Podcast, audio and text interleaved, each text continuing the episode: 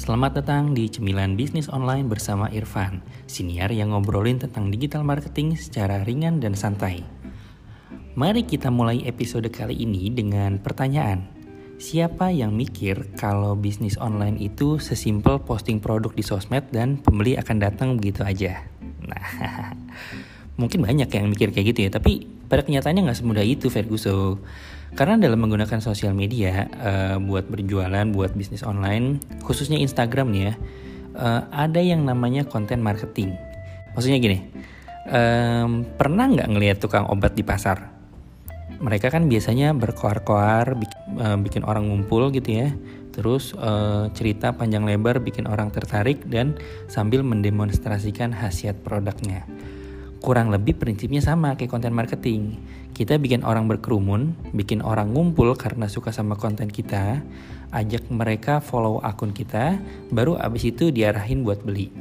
Nah, cuman ya, konten marketing itu kan sedikit banyak berhubungan sama algoritma Instagram uh, sebagai papak tempat kita berjualan misalnya. Dulu tuh feed di Instagram menggunakan algoritma yang uh, kita sebut aja algoritma real time gitu ya. Jadi kalau di suatu ketika kita posting, saat itu juga sejumlah followers yang lagi aktif akan melihat konten kita. Itu tuh berlangsung dari awal Instagram ada sampai kurang lebih sekitar tahun 2016 mungkin ya. Uh, waktu Instagram diakuisisi sama Facebook. Nah, setelahnya algoritma yang berlaku itu lebih mengedepankan engagement jadi biasanya konten yang kita posting akan diperlihatkan ke sejumlah followers kita. Let's say mungkin katakanlah uh, eh, 10% dari followers kita. Kalau uh, si 10% itu suka yang ditandai dengan engagement seperti like dan komen yang banyak, konten itu akan diperlihatkan lagi ke lebih banyak followers. Gitu terus sampai akhirnya konten kita uh, ditaruh di halaman explore yang bisa dilihat orang-orang yang bahkan nggak nge-follow kita. Itu.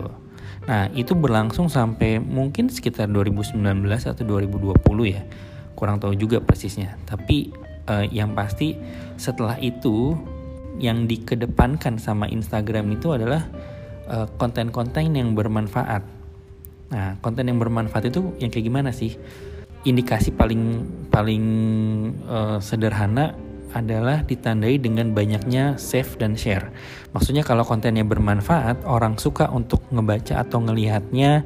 Jadi uh, sama si audience itu tuh di save untuk dibaca lagi atau dilihat lagi nanti atau di share ke Instagram storiesnya supaya lebih banyak teman-teman mereka yang lihat.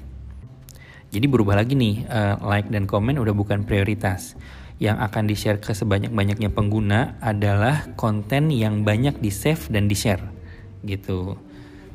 Nah, terus buat engagement sama followers gimana?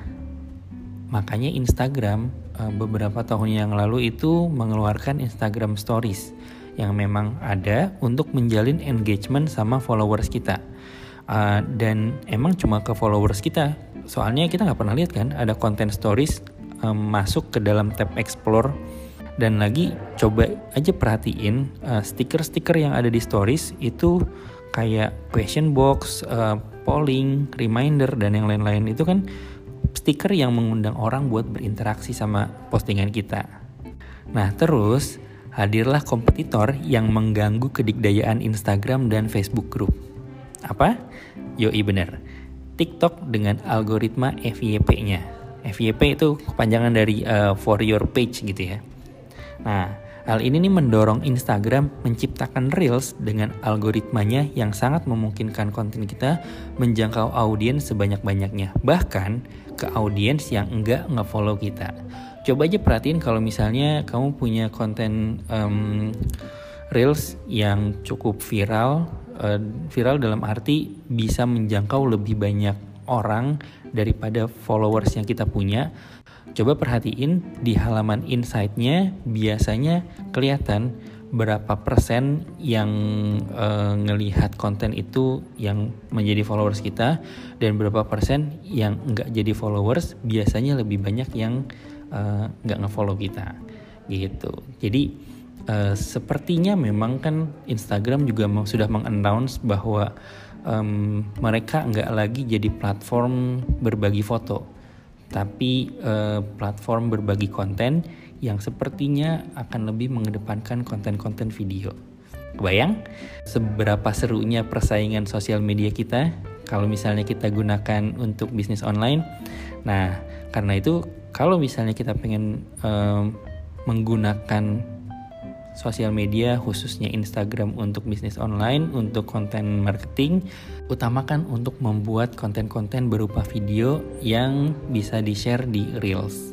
Kurang lebih kayak gitu. Mudah-mudahan bermanfaat ya. Sampai ketemu di episode-episode berikutnya. Saya Irfan Setiaji undur diri dari ruang dengar kamu semua. Sampai ketemu.